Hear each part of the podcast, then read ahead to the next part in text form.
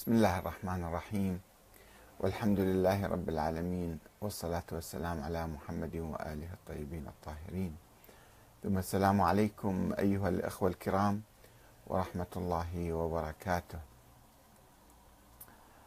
من المعروف أن العقيدة النصرانية أو المسيحية تقوم على عمودين رئيسيين هما ولادة السيد المسيح من دون أب.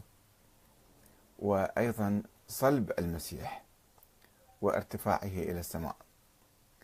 والقرآن الكريم يؤكد موضوع ولادة السيد المسيح آه، بكلمة من الله ومن دون أب.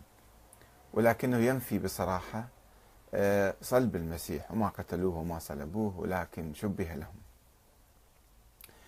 إذا وضعنا القرآن الكريم جانبا وأردنا أن نبحث في العقيدة النصرانية من خلال الأناجيل ومن خلال الرواية التاريخية المسيحية.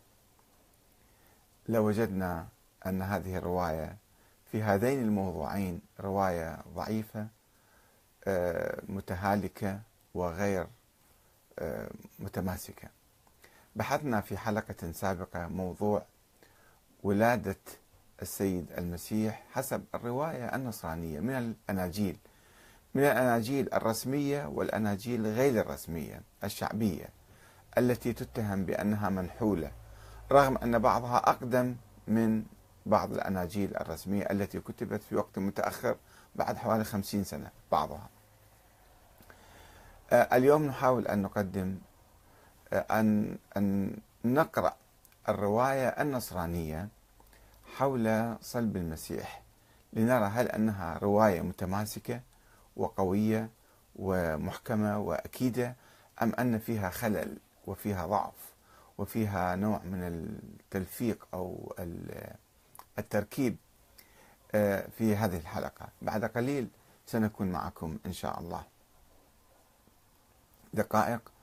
ونكون معكم في هذا الموضوع المهم.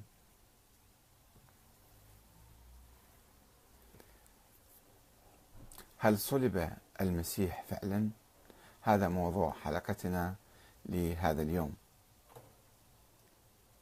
وقد قلت لو كنت مسيحيا وقرأت التراث المسيحي والأناجيل لما صدقت برواية صلب المسيح.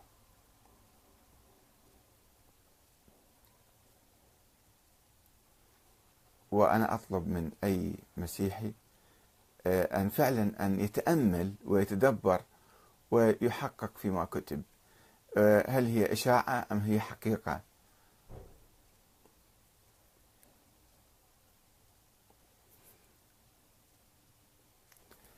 لو كنت مسيحيا لما صدقت برواية صلب المسيح.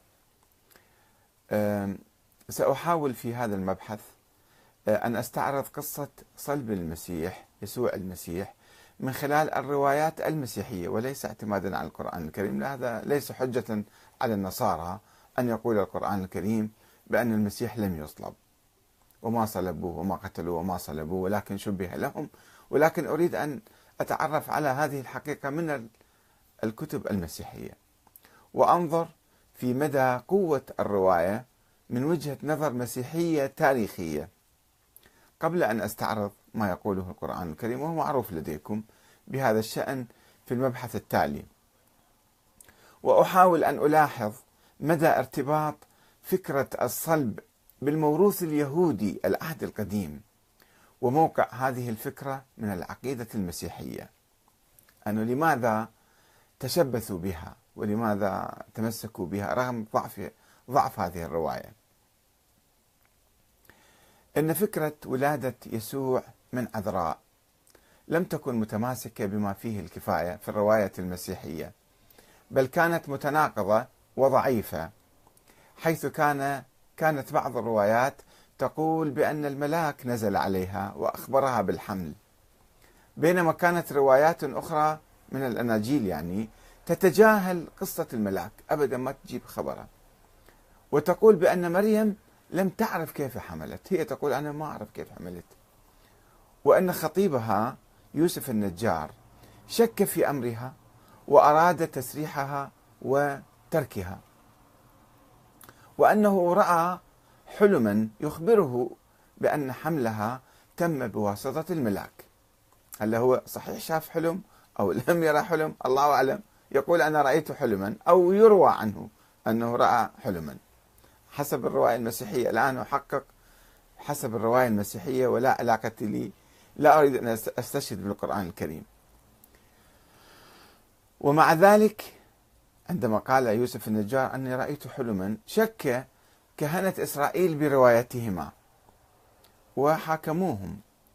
وقد دعمت الرواية المسيحية عن عذرية أو دعمت هذه الرواية المسيحية عن عذرية مريم بنص يهودي قديم من أشعياء قبل 700 سنة قبل المولد يقول بأن المسيح يولد من عذراء.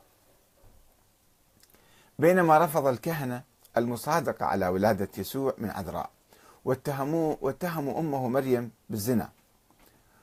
وبالطبع لم يعترفوا بعد ذلك بأن يسوع هو المسيح. وبالرغم من احتواء التراث اليهودي على نبوءات أخرى حول فكرة المخلص المسايا أو المسيح وصلبه وقيامه من بين الأموات وارتفاعه إلى السماء هذا في التراث اليهودي موجود. وهو ما شكل العمود الفقري للعقيدة المسيحية إلا أن اليهود رفضوا تطبيق تلك النبوءات على يسوع بل سعوا بأنفسهم لإعدامه باعتباره مسيحا كاذبا